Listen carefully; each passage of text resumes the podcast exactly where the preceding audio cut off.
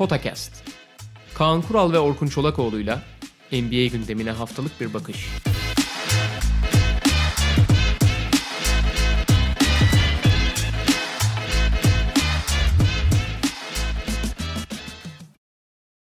Merhaba, Podcast'e hoş geldiniz. 2015 draftıyla devam ediyoruz geçmişe bakışa. 2015 NBA draftı da yine zengin draftlardan biriydi. Evet. Hem bir numaranın tartışması hararetliydi draft öncesinde hem sonrasına uzanan e, ilk turda söz konusu olan bir derinlik var. Dolayısıyla keyifli draftlardan biri olduğunu söyleyebiliriz. Ya e, aslında şöyle çok oldukça derin bir draft olduğu düşünülüyordu zaten ki hani e, yani ne kadar derin olduğu tartışılır ama bayağı e, üst düzey oyuncu çıkardığı kesin. E, fakat e, bir numara tartışması çok ilginç abi. Hani e, aslında şu draftta çok kısa bir süreye kalana kadar bir numara e, Carl Anthony Towns'un bir olacağı hani kesin gibiydi ama sonra son anda e, ilk üç sıra arasında birbirine yakın olduğu, ilk üç sıra arasındaki seçimler arasında e, çok net ayrılmadığı gibi bir söylenti çıktı ama sonuç itibariyle e, bu aslında ikinci planda kaldı. Ve Carl Anthony Towns'u birinci sırada Minnesota seçti ve hani bu draftın da en iyi oyuncusu olduğu en azından yetenek olarak en iyi oyuncusu olduğu ortada. Hani belki tartışabiliriz performans olarak belki bir yerlere gelebilecek başka oyuncular var ama yani Towns yani inanılmaz özel bir oyuncu. Yani hakikaten şey gibi biraz e, ben onu şeye çok benzetiyorum. Kevin Durant'e yani e, fiziği ve asıl yani fiziğine göre yapmaması gereken şeyleri yapıyor. Durant de 2-13 olmasına rağmen hani Stuttgart'ın yaptığı işleri yapabiliyorken Towns'da işte kaç Towns'un boyu abi bir saniye. Towns 2-13 mü? O, o da mı geliyor? Hadi o, o da 2-11 abi. O da 2-11 olmasına rağmen aynı o da. Aynı mantıkta. Tabii yani Durant kadar hareketli falan değil ama abi deli gibi üçlük sokuyor abi. Geçen sene mesela iyiden iyiye nihayet onun şey olduğunu anladılar abi. Nihayet yani. Towns'un hani 5 numara fiziğinde olabilir ama 2 numara gibi oynatılması gerektiğini anladılar. Ee, geçen sene maç başında 8 üçlük denedi abi Carl Anthony Towns. Ve %41 ile soktu bu üçlükleri yani. Towns'la ilgili başlayayım ben de. Yani daha önce de çok söylediğim bir konu. Benim aslında bir yandan da bu senin söylediklerinin devamı olarak benzer şeyleri düşünüyoruz zaten. Lige girdiğinden beri, daha doğrusu girdiğinden beri demeyeyim ama son iki yılda falan e, ligdeki en büyük hayal kırıklıklarımdan biri belki birincisi Carl Towns. Çünkü yani ben onun herkes jenerasyonun belki birincisi olduğunu düşünüyorum. Ha şöyle yani her evet herkes için öyledir ama bazıları işte biraz daha böyle ya o da Minnesota'da oynuyor ne yapsın gibisinden bakıyor. Ben Carl Anthony Towns'la da ilgili çok son iki senede özellikle beklenen gelişimi gösterememesini ya da Minnesota'nın dağınıklığında, Minnesota'nın kötü durumunda biraz payı olmasını ona da yazılacak çok şey olduğunu düşünüyorum. O yüzden biraz abi hayal iki, kırıklığım var. Abi iki sene önce geleneksel sezon öncesi anketinde işte genel menajer anketinde 30 genel menajere sorulduğu zaman hani bugün e, sıfırdan bir franchise kursanız ilk alacağınız oyuncu kim olurdu sorusunun cevabıydı Carl Anthony Towns. Yani evet. Tüm NBA'deki en üst düzey oyuncu, en üst düzey potansiyel gözüküyordu yani. Ama bence bu arada yetenek olarak burayı gerçekten doldurabilir. Yani Kawhi işte hani LeBron'un tabii yaşın ilerlediğini düşünüyoruz. Hani ama işte işte Kawhi'lar, prime'ında olan oyunculara bakıyorsun. İşte şu anda Doncic, Moncic falan hani o zaman Doncic yoktu gerçi ama işte Anthony Davis falan düşündüğün zaman Abi yetenek olarak gerçekten oralarda. Fakat abi basketbol sadece yetenek değil. Basketbol aynı zamanda bir mental taraf ve e, Carl Anthony Towns klasik şey abi. Bas Carl Anthony basketbolu e, oynamak için oynuyor. Kazanmak için oynamıyor yani. Fark orada zaten. Evet maalesef öyle. Yine de tabii e, bugünden bakınca o gün birinci sıranın tartışılmış olması komik geliyor. Daha doğrusu tabii, tabii, Jalil Okafor'la Carl Anthony Towns arasında Aynen bir öyle numaranın abi. hangisi öyle. olacağına dair tartışılmış olması. Çünkü mesela o gün Porzingis ile Towns arasında bir yarış olsaydı bugün geriye dönüp baktığında hala e tamam abi yani Porzingis de bir numara seçilebilirmiş işte sakatlanmasaydı belki şu ana kadarki kariyeri Towns'un ötesindeydi diyebilirdin. E, ama Porzingis o tartışmanın içerisinde değildi. Birazdan geleceğiz. Daha bile belki geride seçilebilirdi. İşin komiği abi ve yani ilginci komiği nasıl e, nitelendirirseniz Towns ve Okafor arasında uzun süre bir numara şeyi Doğru. sürdü.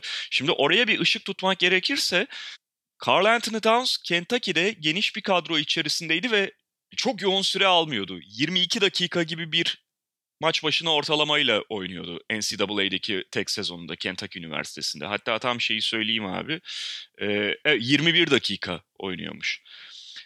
E, Jalil Okafor ise Duke'te direkt olarak takımın en öne çıkan oyuncusuydu. Çok daha fazla hücum onun üzerinden dönüyordu. Bununla birlikte yine de abi aslında onları izleyenler Okafor'un zayıflıklarının çok net biçimde gözüktüğünü ve özellikle NBA'de o zayıflıkların çok üzerine gelinerek çok üzerine vurulacak şeyler olduğunu bu yüzden aslında bunun tartışma konusu bile olmaması gerektiğini söylüyorlardı. Yani Towns'un çok net biçimde potansiyel yetenek olarak Okafor'un özellikle günün basketbolunun gereksinimleri anlamında ötesinde olduğunu söylüyorlardı. Ama ilginç biçimde uzun süre o tartışma sürdü. Ve yılın 2015 olduğunu hatırlatalım. Yani 2014-2015 sezonu tamamlamış. Artık basketbolun değişimi e, büyük oranda kabul edilmiş durumda. O yüzden hani basketbolun artık Jalil Okafor gibi oyuncuları yani Jalil Okafor'un bireysel eksikleri bir tarafa o oyuncu e, tipolojisinin de artık gittikçe e, yer alamayacağını yani ancak ancak ve ancak Joel Embiid seviyesinde e, muazzam bir yeteneksen ancak sahada kalabileceğini öyle alçak postu üzerinden oynayan işte ayakları çabuk olmayan bir uzunun falan sahaya çıkma ihtimali kalmadığını artık yavaş yavaş herkes anlamıştı yani. Ya birkaç gün önce Golden State şampiyon oldu. Evet. Draft'tan. Ve ama işte yani o dönüşüm tam işte 2014 yani 2000'ler bu yani işte 2000'ler boyunca gibi 2014-2015'ten sonra iyiden iyiye kabul edilmişti. Ee, Cello Kofor ama hala o tartışmanın içindeydi. Ama üçüncü sıraya kaldı. İşin ilginç yanı e, işte bu, bu arada bundan sonraki draftlarda da göreceğiz. Bir önceki draftta da görmüştük hatta. E, Philadelphia'nın e, tamamen proses süreci bu. Kimi bulursa e, pozisyondan bağımsız hani o pozisyonda adamı var mı o pozisyonda e, kalabalık oluşturur mu falan diye bir yetenek şey yapmaya doldurmaya yani yetenek toplamaya aset toplama dedikleri süreçteler. Evet. Ve işte üçüncü sırada üçüncü sıra kalınca kendilerine Jalil Okafor'da hani o tartışma için aa, direkt aldılar balıklama atladılar ama sonrasında tabii hiç verim alamadıkları gibi elden de çıkaramadılar. Yani çünkü Sam Hinkie o dönemde işte en değerli oyuncuyu alalım gerekirse de elden çıkaralım. Mesela Michael Carter Williams'ı seçmişlerdi. Yılın çayla oldu hemen elden çıkardılar istediklerini vermedi, istedikleri tavanı göremedikleri anda. Ee, herhalde. Ama Okafor, Okafor'un tavanı o kadar alttı ki orada bile çıkaramadılar elden. Ee, evet işte oraya geleceğiz. Hani arada da D'Angelo Russell var. Okafor'la Porzingis arasında o gün algılanan ya da bazı takımların diyelim en azından algıladıkları bir boşluk vardı, bir mesafe vardı. O yüzden Philadelphia'da o mantıkla Okafor'u seçiyor. Yoksa mesela muhtemelen Hinkie'nin Philadelphia dönemine yönelik en büyük pişmanlıklarından biri belki de birincisi o gün Porzingis'i seçmemesidir. Ama işte yani Porzingis'e gelince konuşuruz onu da ya Porzingis'in dörtten seçilmesi de çok tatlı. Zaten abi Okafor'dan sonra kimin seçileceği konusunda çok ciddi soru işaretleri vardı. Zaten seçim sırasını görünce anlayacağız onu da. Evet. İki ee, numarada Russell'ı bu arada, e, bu arada hı. konuşalım çok ufak. Yani D'Angelo Russell da biraz aslında senin az önce Towns için söylediğin gibi oynamak için oynayan oyunculardan biri. İşte bir, birbirlerini buldular abi. Bundan sonra rahat rahat evet. takılırlar orada. Evet. E, Minnesota'da nihayet yan yana geldiler. D'Angelo Russell'la ilgili o gün özellikle onu son da yani iki numaraya kadar sıçratan faktörlerden biri. Biliyorsun abi draftlarda e, bazı oyuncular o günün NBA'inde e, çok revaçta olan bir oyuncuya çok benzetilirse ona genelde yarar. Sıralamasına çok yarar. yani işte bu Trey Young, Stephen Curry'de de mesela oldu. Ee, başka örneklerini de verebiliriz. D'Angelo Russell da o gün James Harden'a çok benzetiliyordu stili itibarıyla.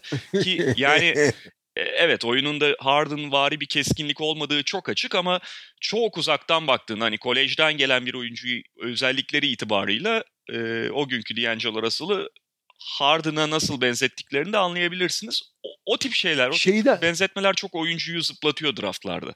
Abi şey çok ilginç. E, D'Angelo Russell'ın özellikle şut kullanma şeyi bu yani Harden'ın side step'i ve böyle hafif dirsek e, dışarıda hafif de tam kafasının üzerine hafif sola doğru atıyor ya Harden. Bir de solak hani, ikisi de.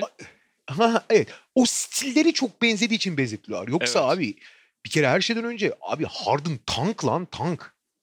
Hatta Harden kendi boyundaki oyuncular arasında ya açık ara en tank oyuncu olabilir yani. Evet. Şey gibi lan e, söylediğin wide receiver şey pardon running back gibi abi herif acayip. Hani LeBron'un kısa versiyonu gibi abi. Harden'ın fiziksel kuvveti anlamında söylüyorum yani. O kadar atlet tabii ki yani atletizmi o kadar güçlü olmayabilir LeBron kadar ama tank gibi abi. Şeyde işte alçak post savunmasında falan o yüzden kıpırdatamıyorsun adamı. Yerden kıpırdamıyor abi.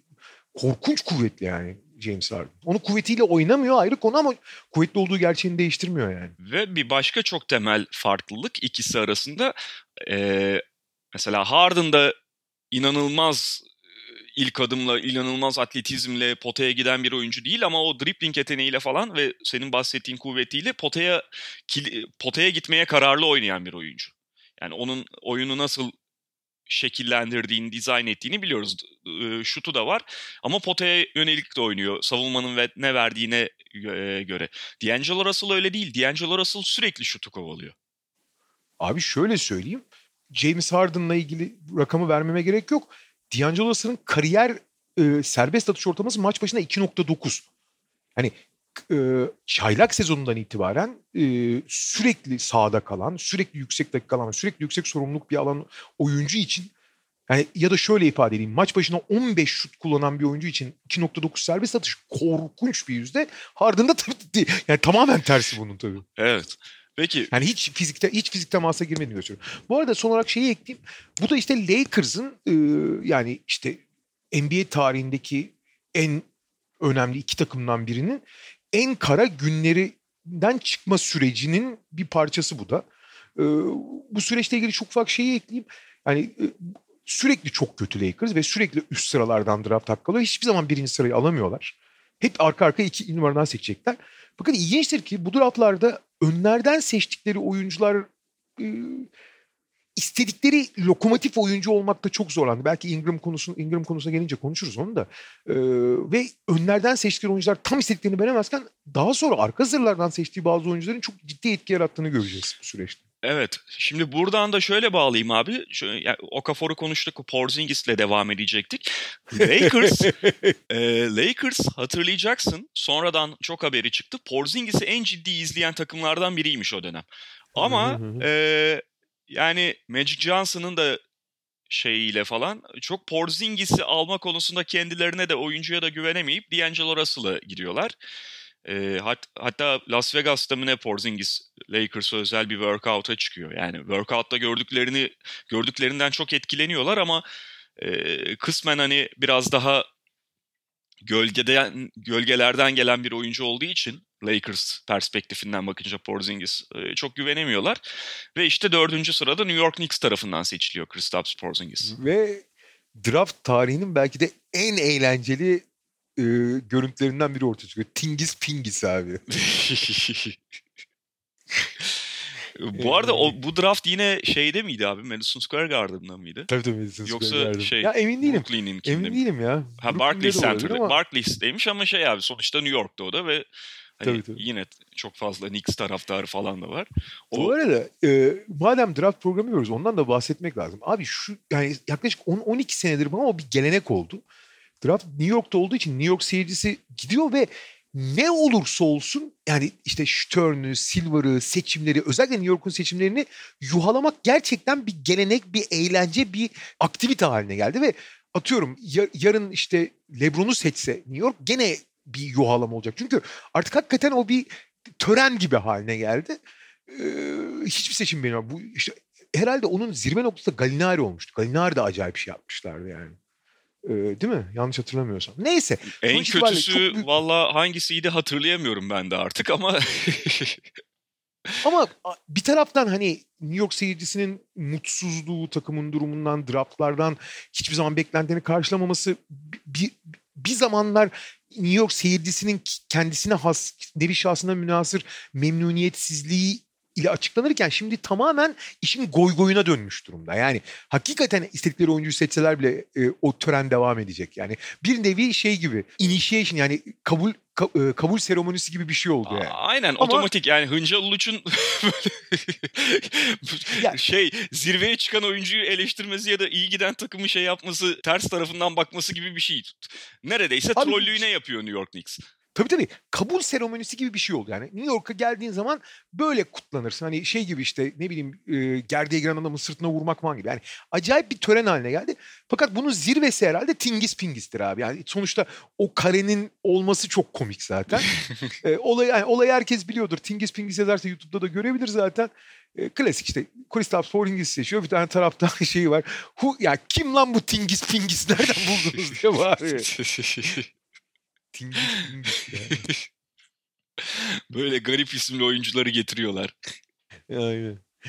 Ama senin de söylediğin gibi drafttan önce orada seçilmesi yani senin dediğin gibi yani Lakers falan gibi bir takım etkilenen e, takımlar olsa da e, Kristaps Porzingis özellikle e, Sevilla'da oynadığı için yani en üst düzey işte Euroleague falan oynamadığı için evet birçok şey göstermişti ama o zamanki fiziğiyle de potansiyel olarak çok güçlü yüksek olsa da e, hep bir endişe vardı. Yani 2 2.19'luk, 2.20'lik bir oyuncunun hiçbir zaman tam sağlıklı kalamayacağı, vücut koordinasyonunu sağlayamayacağı endişeleri falan da varken ama bir taraftan da potansiyel varken çok aradaydı. Ama en sonunda Phil Jackson onu New York'a seçti.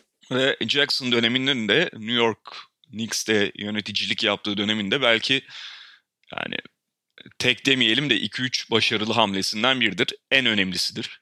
En öne çıkanıdır ki yani sonrasında aslında onu da e, sıfırlayan hamleleri direkt Porzingis'le ilgili demeçleri vesaire oldu Phil Jackson'ın.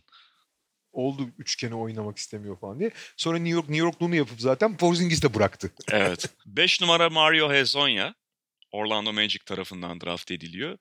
Ee, O da şeyin tam tersi herhalde. Porzingis'in tam tersi. Üst düzey bir takımda üst düzey rol aldığı için belki de olduğundan daha iyi gözüktü. E, ve ya şöyle Mario Hezonya'nın drafta girerken hafif böyle şöhreti yara almaya başlamıştı. Daha doğrusu yani onun o e, karakteriyle, sporcu karakteriyle ve haddinden fazla kibiriyle alakalı artık çok daha fazla şey konuşulur olmuştu. E, yine de tabii yetenek olarak çok başka bir seviyede gözüküyor ama e, NBA'de de hiçbir zaman onları istikrarlı olarak üst düzeyde sergileyemediği açık Mario Hezonya'nın. Abi tarihin en güzel demeci olabilir şey ya. İşte Barcelona'da A takımda ciddi ciddi rol almaya başladığında şeyi Hı hı. soruyorlar işte Palo Blaugrana ile No Camp yan yana ya. İşte hani burada salondan çıkıp hiç No Camp'a gidip Messi'yi izledin mi diyorlar. Messi gelip beni izlesin diyor ya. Ya bunu 17 yaşında falan söylüyor bu arada terbiyesiz herif. Bu arada şey çok ilginç yani e, biraz Towns'a benziyor. Abi ham yeteneklere bakarsan Hezonya'da biliyorsun acayip fizikli falan filan. Dört numara falan savunduruyorlar abi Portland'da yaparsın falan. Evet hani e, fiziği, şut yeteneği birçok şeyiyle aslında potansiyel var ama tabii kafa, kafa, ayak çabukluğu falan gibi bir takım sorunlar olduğu için e, bu draftın en başarılı seçimlerinden biri ama klasik abi işte Orlando, Minnesota, Sacramento gibi kötü seçimler yapan takımları biliyoruz. Minnesota burada e, istese de kötü seçim yapamadı. Carl Anthony Towns'u birinci sırada seçtiği. Ve gene işte draftın süper kötü seçimleri yap- yapan bir takım da Charlotte Hornets. Oraya da geleceğiz ileride. Evet. E, 6'da Willie Cauley-Stein var Sacramento Kings tarafından. Yani bugün bakıldığında çok daha kötü gözüküyor tabii ve tam Sacramento'ya yakışmış şeklinde gözüken seçimlerden biri. Yalnız şunu da söylemek gerekiyor. Willie Cauley-Stein da e, drafta gelirken aslında zaten buralarda aşağı yukarı seçilmesi beklenen bir oyuncuydu ve 3 sene Kentucky'de geçirmişti. Cauley-Stein Kentucky'de de çok öne çıkan, ofansif anlamda çok öne çıkan bir oyuncu değildi ama 5 pozisyonu birden savunabiliyor ve bilhassa az önce şeyden bahsettim ya işte 2015'te tam o Okafor'un ve diğer oyuncuların tabii draft edilmesinden birkaç gün önce Golden State şampiyon olmuş durumda. Kilit oyunculardan biri Draymond Green. Bir anda böyle herkes uzunları kaç pozisyonu sev- savunabiliyor şeklinde değerlendirmeye başladı. Willie Cauley-Stein gerçekten birden beşe ihtiyaca yönelik oyunun içerisinde her pozisyonu savunabilecek bir oyuncu olarak gösteriliyor ve bu yüzden de çok değerli addediliyordu Willie Cauley-Stein. Ve e, işte bu draftın gene hani so- o dönemlerin zaten fırtına takımı daha önceki draftlarda da hep uzun sıralarda seçilmişti. Bu draftın da fırtına takımı Kentucky 4 oyuncusu lotaryadan seçildi. Bir ve birden sonra 6. sırada Willie Cauley-Stein. Evet. Şey 7'de Moody vay vay Emmanuel Moody vay vay vay. var. Moody'in de giriş hikayesi Bey daha amca, doğrusu. bey amca bana bir Moody'ye çekebilir misiniz? Moody ve iyiymişsiniz. Moody'in draft öncesi bir senesi lige girdiğinden beri gösterdiği her şeyden daha enteresan. Çünkü e, yani bir kere üzerinde yine çok durulan oyunculardan biri. Larry Brown'un o dönemde çalıştırdığı okul hangisiydi abi NCAA'de?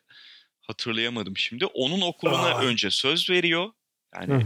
NCAA oraya gelecek. Ama sonra parayı tercih ediyor ve Çin Ligi'ne gidiyor Emmanuel Mudiay. Hatta Larry Brown'un çok takdir ettiğim bir e, hareketi vardı o dönemde. Yani tabii ki çok büyük hayal kırıklığı yaşıyor. Çünkü liseden gelen oyuncular arasında Muriel en üzerinde durulan, en yetenekli gösterilenlerden biri ve direkt olarak şampiyonluk adaylığı anlamına geliyor Emmanuel Muriel'in o okulda oynaması. Ama o hayal kırıklığına rağmen ben hani çocuğu anlıyorum. Çok paraya ihtiyacı var. İçinde bulunduğu koşullardan ötürü parayı tercih etmiş olmasına ben kızamıyorum. Ona da sesleniyorum hani ne zaman ihtiyacı olursa Çin Ligi bittikten sonra falan bizim kapımız açık gelip burada istediği konuda benimle çalışabilir gibi bir açıklama yapıyor Larry Brown Moody'ye yönelik. Ve Çin Ligi macerası da zaten pek parlak geçmemişti Moody'ye. SMU. SMU Ha evet evet. Ve şey yani sonrasında da Moody'nin oyunundaki işte o hamlık falan girdiğinden beri en büyük problemlerinden biri oldu NBA'de. Evet. Çok fizikli bir guard olarak falan hani gerçekten çok potansiyeli vardı. Ee, girdikten sonra çok bocaladı ama topa, biraz toparladı. Tabii ki o potansiyele ulaşmasa da hani 3. senesinin sonunda ki Denver ona çok ihtiyacı olmasına rağmen tamamen vazgeçmiş ve artık NBA'de kalamayacak gözüyle bakılırken e, yani yedek guard olabilecek düzeyi hatta o fiziğini biraz daha kullanmak biraz daha yani basketbol bilgisini geliştirdikçe e, bir takımın yedek oyun kurucusu olarak ya da işte hani çok fiziksiz bir arka alana sahip takımın fizikli yedeği alternatifi olarak falan oynayabilecek duruma geldi en azından. 8 numara Stanley Johnson yine özellikle çaylak sezonunun nasıl bittiğini düşünürsek sonrasıyla en büyük hayal kırıklıklarından biri bu draftın diyebiliriz herhalde. Çünkü çaylak sezonunun Aynen. bitişinde Stanley Johnson'ın o sezonuna 10 üzerinden 8 falan verilirdi. Ve bu draftın stili olarak bakılıyordu yani. Evet. Yani o sezonun nasıl final yaptığını Johnson ve Detroit adına istersen anlatalım abi. Cleveland'a eleniyorlar. Hatta 4-0 süpürüyor Cleveland onları. Ama 4 maçın 4'ünde de maçın içerisinde Detroit Pistons. Ve şampiyonluk adayı bir Cleveland Cavaliers'a karşı. Stanley Johnson da LeBron James'le eşleşiyor ve yani gayet de kabul edilebilir bir iş çıkarıyordu. İşte klasik yavaş yavaş çok yükselmeye başlayan birkaç pozisyonu oynayabilen kanat oyuncusu rolüne çok iyi oturuyordu ama e, işte her şeyi yapabilen, her şey yani biraz top hakimiyeti olan, şut atabilen falan komple bir dış yani bir nevi Paul George vari bir profil çizilirken e, abi her şeyi yapabiliyor. Birkaç pozisyon sonra ama hepsini belli bir seviyenin altında yapıyor. Öyle bir sorun var. Yani belli bir seviyenin üzerinde yapmak gerekiyor onları. Ee, ve draftın kilit noktalarından birine geliyoruz. Of abi ya. Of abi ya. Abi bu gerçekten Ya, ya draft tarihinde bir sürü saçmalık var ama yani Charlotte'ın kendi tarihinde bile bir sürü saçmalık var ama bu bu herhalde şöyle şimdi 2020'den bakıp eski draftlardaki hataları falan e, geriye bakarak e, değerlendirmek çok kolay şu anki bilgilerle. Çünkü ne olduğunu biliyorsun. O zamanki ya o zamanki bilgiler üzerinden. Fakat abi o zaman da biliniyordu bu işin böyle olacağı ya. Abi öyle ve bunu daha korkunç hale getiren bir sonradan ulaşılan bilgi de var. Hatta o günlerde de İşte galiba dra- konuşuluyordu. Charlotte'a Boston Celtics'in yaptığı tep şey tepki diyorum. Aynen, Ee, aynen teklif. öyle. Teklif. Aynen. 3 draft hakkı veriyorlardı bu 9. sırayı almak için. 3 mü? Hatta 4 3 müydü 4 müydü abi? Yani öyle 3 sene 3 zaten tane çok ya şöyle e, %100 bilinmiyor tam olarak yani ama 3 tane birinci tur hakkı evet. art deniyor o kesin. Bir tane ikinci tur hakkı var ya da 4 tane birinci tur hakkı var falan filan gibi şeyler söylüyordu. 3 tane birinci tur hakkı teklif etmişti Boston Celtics onlara. Evet, e, şunu da söyleyelim. Boston Celtics'in 9. sırayı elde etme hevesi Justice Winslow'u seçmek istemelerinden kaynaklanıyor. Yani 10. sıradaki birazdan geleceğiz zaten. Miami Heat'in Winslow'u bırakmayacağını tahmin ediyorlar. 9'a atlamalıyız diye vuruyor da vuruyor şey Danny Ainge Justice Winslow'u almak için. Ama Charlotte kabul etmiyor. kabul etmemelerinin sebebi de Frank Kaminsky. Ya bu gerçekten Charlotte'lı olsam düşündükçe saç baş yolduracak bir şey. Şey çok acayip abi. Charlotte o kadar tuhaf ki abi bu teklifi kabul etse tamam mı? Ve telefon edip işte e, Miami Heat'le konuşsa abi Miami işte 3 ya da 4 draft hakkı alıyor. Onların iki tanesini verse onlar muhtemelen Kaminsky'yi onun için seçerler. Evet. Anlatabiliyor muyum? Aynen abi. Yani Winslow'u alıp Winslow'u alıp işte atıyorum 3 tane draft hakkı alıyorsun. İşte bu arada verdiği tek yani e, Boston'ın verdiği teklifler içinde de şey var. Hani aynı draftın 16. sırasıyla aynı draftın e, kaçıncı sırası 28. sırası var mesela. İki tanesi onlar. Bir tanesi de gelecek sene. Abi seçilecek oyuncular arasında onları verse kabul eder muhtemelen Charlotte. Yani Kaminski'yi gene bir şekilde alabilirsin ekstradan bir draft hakkı almakla. Yok ama abi hiç. Ya bu Ve hani seçtikleri adamın da 4 sene NCAA'de kal. Bir de hani ilk senesi olur bir potansiyel. Öyle ki 4 sene NCAA'de oynamış. Ne yaptığı ne ettiği belli. 22 yaşında Ayak- abi drafta girdiğinde. 22 yaşında yani şut, şut atmak dışında hiçbir özelliği olmayan çember savunamayan ayakları yavaş falan bir oyuncu yani. Ee, Charlotte'ın o çok sık konuştuğumuz kolej performansına haddinden fazla kıymet verme tarafı burada da ortaya çıkıyor. Çünkü tam Aynen. o yaz, yani ya- yaz değil daha doğrusu, tam o sene Mart ayında Wisconsin işte çok iyi bir turnuva oynuyor. Galiba finale kadar geliyorlar. Şey, NCAA'de. Yani Final Four'a geliyorlar. Ee, dur bakayım. Bulamıyorum da şimdi. Dur ben bakayım. Evet evet Final Four'a geliyorlar abi. Ha evet. finale hatta çıkıyorlar. Dük kazanıyor. İşte ya o takımın da kilit parçalarından biri. Bir de senin söylediğin gibi şut attığı için aa şut atan uzun hem de bayağı uzun falan diye haddinden fazla kıymet veriyorlar Frank Kaminsky'ye. Ama yani daha o gün zaten Kaminsky'nin ayaklarının ağırlığının çok ciddi problem olacağı falan konuşuluyordu. Final Four'da abi yarı finalde Kentucky yenerken 20 sayı 11 rebound yapmış. Towns'a üstünlük kurmuş. Yani daha doğrusu yani Towns takımına karşı. Finalde de yine 21 sayı 12 rebound yapmış ama yani e, ne olduğu belliydi yani ayak yapan. Charlotte'ın e, sayısız draft başarısızlıklarına bir halka daha eklendi. Ve yani kaçırdıkları fırsat gerçekten çok büyük bir fırsat. İşte dört tane, üç tane draft hakkı veriliyorken arkalarından gel. Yani hiç o tekliflerle ilgilenmeseler bile başka arkadan gelen oyunculardan birini seçseler çok büyük başka bir şey yakalayabilirlerdi. 10. sırada Justice Winslow var. Miami Heat seçiyor. Yani Winslow'un da kariyeri bugüne kadar pek de beklendiği gibi gitmedi aslında. Çünkü çok fazla sakatlık yaşadı Justice Winslow'da. Sakatlanmadığında da sağlıklıyken de şutunu bir türlü istikrarlı hale getirememesi önündeki en büyük engel oldu ama diğer taraftan da iyi yaptıklarına yoğunlaşarak bakarsak ne kadar joker bir oyuncu olduğu falan da ortada. Kesinlikle öyle. Belki Boston deneyincin düşündüğü kadar da büyük bir oyuncu tavanı yok ama hani özellikle şu dönemin basketbolu için çok ideal parçalardan biri sadece işte şut istikrarsızlığı hariç. 11. sırada bu draftın en başarılı seçimlerinden biri var. Indiana Pacers. Miles Turner alıyor. Miles Turner da sonuçta Texas Üniversitesi'ndeki sezonunda öyle çok bağıra bağıra gelen bir oyuncu değil. Zaten öyle olsa belki daha yukarıdan seçilecek. Ama e, yani 22 dakika maç başına süre alıyor Texas'ta mesela Miles Turner. Ama iyi tahlil ediyor Indiana Turner'ı ve 11. sırada seçiyorlar. Abi Turner'la ilgili şöyle bir sorun var. Abi Turner modern bir uzundan istediğin en önemli iki yapıyor. Çok iyi çember savunuyor. Belki pozisyonel savunması çok çok iyi olmasa müthiş blokçu e, ve deli gibi üçlük sokuyor ki o yüzden zaten savunucuda yanıyordu. Fakat iki tane önemli eksiği var abi. Birincisi e, ya basketbol IQ'su çok düşük abi. Yani hakikaten kafası hiç çalışmıyor. Hadi onu belli şemalarla yani uzunun çünkü oynaması gereken şemalar öyle çok e, analitik şeyler yapmasını gerektirmiyor. Bir eksidir evet ama hani çok dramatik bir eksi. Bir garda oranla çok daha az dramatik. Fakat abi ikincisi abi o boyda, o zamanlamaya sahip, o fizikte, o atletizmdeki bir oyuncu nasıl bu kadar kötü reboundçı olur ya? Rebound alamıyor abi. Rebound alamıyor yani. evet. Şaka gibi. O Şey yüzden de önemli bir soru işareti hep. Şöyle bir rebound şeylerine bakayım dedim. 7.3'ü geçtiği sezon yok.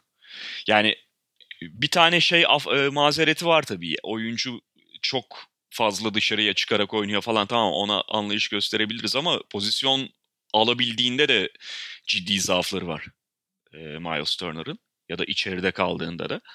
En önemli sıkıntısı da o. 12 Trey Lyles yine Kentucky'den gelen oyunculardan biri Trey Lyles da.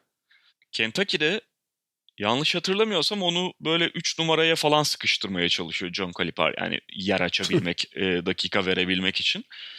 E, ama oyuncunun gerçek pozisyonunun olmadığı açık. Utah seçiyor. Yani Utah'ta daha önce de konuşmuştuk. Sonuçta draft öncesi oyuncuları çok iyi tahlil eden takımlardan bir tanesi. Fakat Trey Lyles Utah'ta bir takım şeyler zaman zaman gösterse de Utah'la mesela onun yollarının ayrılması sonrası ortaya çıkanlar çok şey anlatıyordu Lyles'a e, ilişkin olarak. Utah zaten ligin en disiplinli takımlarından biri Quinn Snyder yönetiminde özellikle ve Trey Lyles'ın hiç o Utah'ın e, kriterlerini, Utah'ın standartlarını karşılayamadığı söyleniyordu. İş ahlakı olarak falan Utah'a çok büyük hayal kırıklığına uğrattığı söyleniyordu Trey Lyles'ın. Ki sonra hani Denver Nuggets'ta da aslında Malone'la da müthiş geçinebildiğini ve çok gözüne istikrarlı biçimde girebildiğini söyleyemeyiz Lyles. Haklısın. Ee, hani bu sezonki performansı da biraz böyle notu sonra verilebilecek tarzda. Çünkü çok yumuşak e, abi. Evet San Antonio'da biraz da ihtiyaçtan ona süre veriyor, vermek durumunda Greg Popovich. Çok yumuşak söylediğin gibi. O kadar yumuşak oyuncuyla yani iki tane şut atayım da sahada durayım ne olmaz o iş abi. Yani fiziği kadar bile yer doldurmuyor savunmada ki artık savunmada ayak çabukluğuyla hani kendi volümünün 7-8 katı alanı kontrol etmen gerekiyor. Kendi volümünü bile kontrol edemiyor yani. Geç onu. 13'e geçelim o zaman. En başarılı seçimlerden biri. Kent, Kent, e, ilk turda, ilk 13 sırada seçilen dördüncü kentteki oyuncusu. Ve o kentteki takımının en küçük rolüne sahip. Yedek, hemen hemen hiçbir şey e, gösterecek kadar dakika fırsat bulamamış kentteki kariyeri boyunca.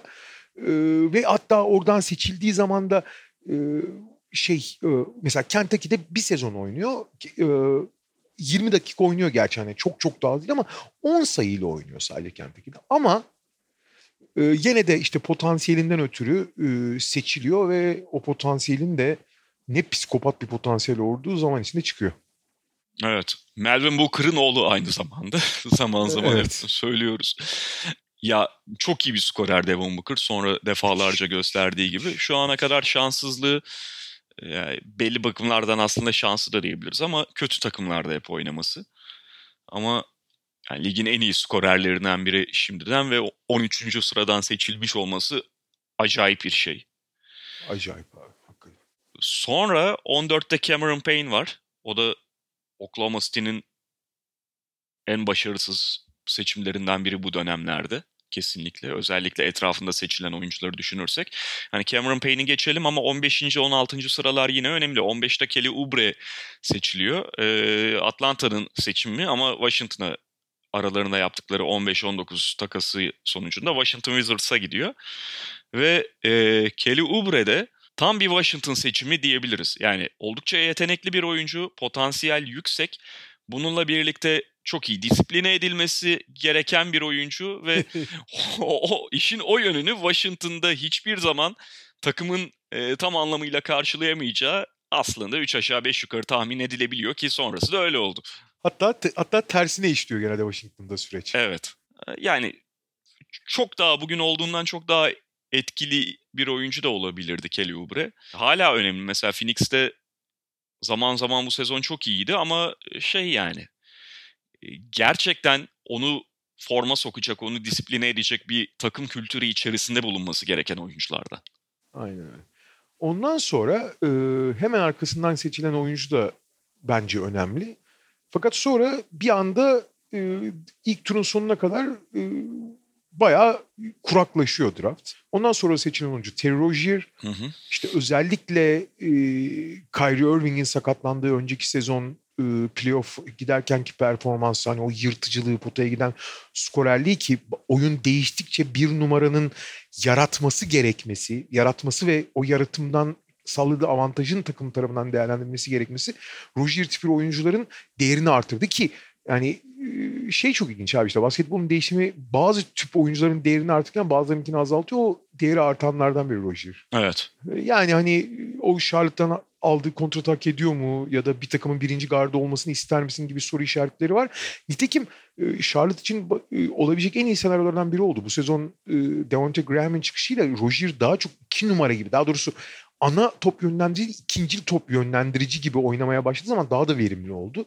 Ama o rolde de işte fizik olarak yeterli mi gibi soru işaretleri var ama Yani 16. sıra seçimi için gayet de başarılı bir isim olduğunu söylemek lazım. Burada ilk turun kalanıyla ilgili e, temelde şu yani genel anlamda şunu söyleyeceğim abi. Evet söylediğin gibi biraz kuraklaşan bir tablo söz konusu fakat e, bu oyuncuların büyük bir kısmı yani mesela 18 Sam Decker, 20 Delon Wright, 21 Justin Anderson, 22 Bobby Portis, 23 Hollis Jefferson, sonra Tyus Jones, Gerald Martin, hatta hatta R.J. Hunter o draft Larry yapı- Nance Jr. Larry Nance Jr. Larry Nance Jr.'ı aslında biraz ayırıyorum. Çünkü Larry Nance Jr. ikinci turda seçilir falan denen bir oyuncuydu. Ama bu saydığım oyuncular hatta 30 Kevin Looney, e, 26 Nikola Milutinov bu draft yapılırken yani draft öncesinde her biri gerçekten hani bırak ilk turda seçilmeyi 15'lere falan çıkabilirler mi?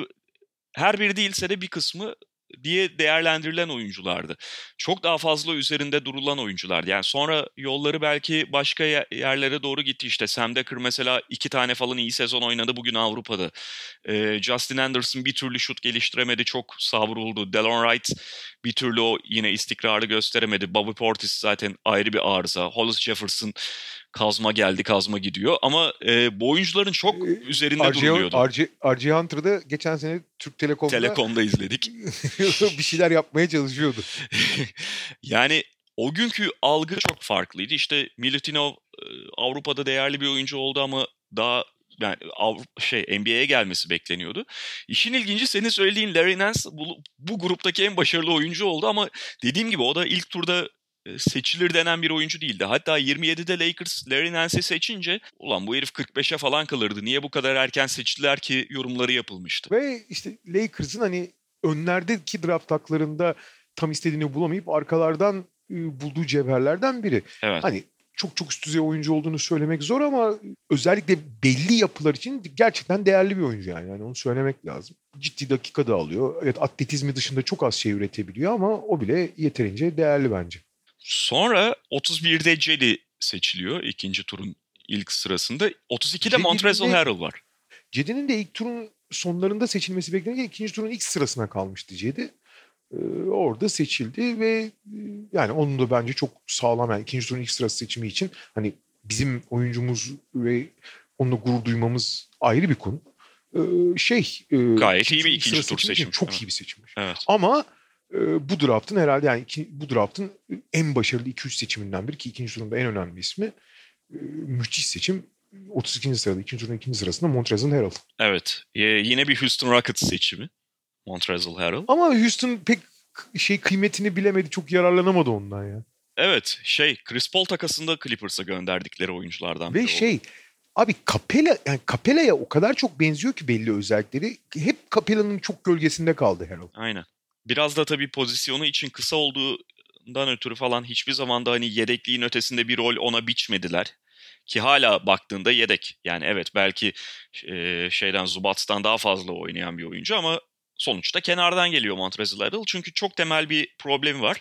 Çok etkili oyuncu ama belli eşleşmelerde de çok kısa abi herif. Ee, fakat bu ikinci e, gene hep söylüyoruz ya e, çok başarılı ikinci tur diye. Bu mesela bu draftın ikinci turu da çok başarılı abi işte. Cedi Osman ve Montrezl Harrell dışında hani tek tek saymıyoruz ama e, draftta başka başarılı olup hani hakikaten bir takımın sadece rotasyonun bir parçası olup uzun yıllar oynamayı geçtim. Hani efektif olabilen türde oyuncular var e, bu ikinci turda. Montrezl Harrell işte Cedi onlardan biri. Çünkü Cedi öyle ya da böyle bir ilk beş oyuncusu. Hı hı. Hani çok üst düzey bir takımın da bir parçası olur. Montrezl Harrell şampiyonluğa giden bir takımın ana rotasyon oyuncusu. Sırf onlar değil abi. Özellikle e, pozisyonu için kısa olduğundan dolayı dikkat çek e, önce dikkat çekemese de e, ve çok kötü bir takıma yani kendisi için olabilecek en kötü takıma gitse de sonra e, pozisyon, şey bulduğu zaman fırsat bulduğu zaman o patlayıcılığı nasıl kullandığını gördüğümüz 37 sıra seçimi Richard Holmes. Evet. Richard Holmes'u Philadelphia seçmemiş olsa ve Philadelphia'daki o Noel'ler, Embiid'ler, şey e, Okafor'ların arasında falan 7. uzun falan konumda düşmemiş olsa daha erken de bu çıkışı yapabilirdi Richard Holmes. Kesinlikle. Çok yani kalabalık bir uzun rotasyonun içine düştü o bakımdan ciddi anlamda şanssızlığı vardı. 40'ta tam bir Miami Heat klasiği var Josh Richardson. Aynen öyle.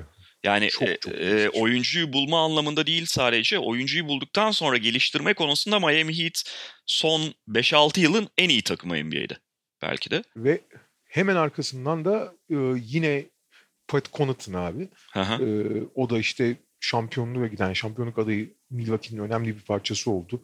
Beyzbolcu olduğu için biraz endişeleniyordu. Bu arada beyz, biliyorsun MLB tarafından da draft edildi Pat. Evet, evet. Hani bugün basketbol oynanması gidip gayet rahat beyzbol. Bütün ailesi de beyzbolcu bu arada. Hem de çok üst düzey beyzbolcular. Ve O e, yüreğinin götürdüğü yere gitti ve 46 Norman Powell. Aynen öyle. Yine O da çok iyi bir seçim. şey, O da mesela senin Miami için verdiğin örneğin bir başka şeyi Toronto. Yani evet. e, hem bulmak hem de yetiştirmek açısından çok acayip işler yapıyor. Norman Powell'ı da öyle çok iyi yetiştirdiler ve bu noktaya geldi Norman Powell'da. Ama Şimdi onun arkasında bir şey yok. E bir şey yok ama oralar zaten genelde kumar abi. İşte Avrupa'dan falan e, bir takım oyunculara yatırım yapılıyor. Olur mu falan da. İşte Dani Diez'ler falan var. E, işte hani Avrupa'da bile bile Radicevic var. Luka Mitrovic var. Agravanis var falan. Hani hiç olay yani işte Cenk Akyol, İzzet Türk Yılmaz, işte e, İlkan Karaman seçimleri gibi seçimler yani. Hani onlar kumar hani o ya tutarsa seçimleri Hı hı. diyoruz. Ve Evet. bu haftalık bu kadar diyoruz Evet, herhalde. 2015 draftını böylelikle kapatalım. Haftaya 2016 yavaş yavaş da sona doğru geliyoruz bu arada. Geliyoruz geliyoruz. Draft E, kalmadı. 2000 aynen 2019 zaten yapmayız. E, şimdiden söyleyelim. Hı hı. E, Bu senenin çaylaklarını yapmaya gerek yok. İşte geriye ne kaldı? 2016, 17, 18. 3 tane draftımız kaldı. Evet yani haftaya İki muhtemelen iki gibi. tane birleştiririz. Çünkü 2016 Hı hı. draftının tepesi bugün yaptığımız 2015 kadar ilginç değil ama 2016 draftının da bugüne uzanan en önemli konusu 1-2 konusu. Ben Simmons, Brandon Ingram Evet. ki haftaya konuşuruz onu. Hatta hatta 3 numaradan gelen de Jalen Brown. Ve 2016 zaten genel itibariyle hani çok çok da uzun konuşulacak bir draft da değil aslında. Evet. olarak. Yani onu dediğimiz Oradan gibi öyle. 2017 ile birleştirmemiz daha olası gözüküyor. Bugünü 2015 ile e, kapatmış Ama- olalım. Aynen 2017 de çok acayip bir draft ya. Yani 50 bin hikayesi olan falan çok acayip bir draft. Doğru o da var. Peki e, o zaman bugünlük bu kadar diyoruz. Tekrar görüşmek üzere. Hoşçakalın. Hoşçakalın.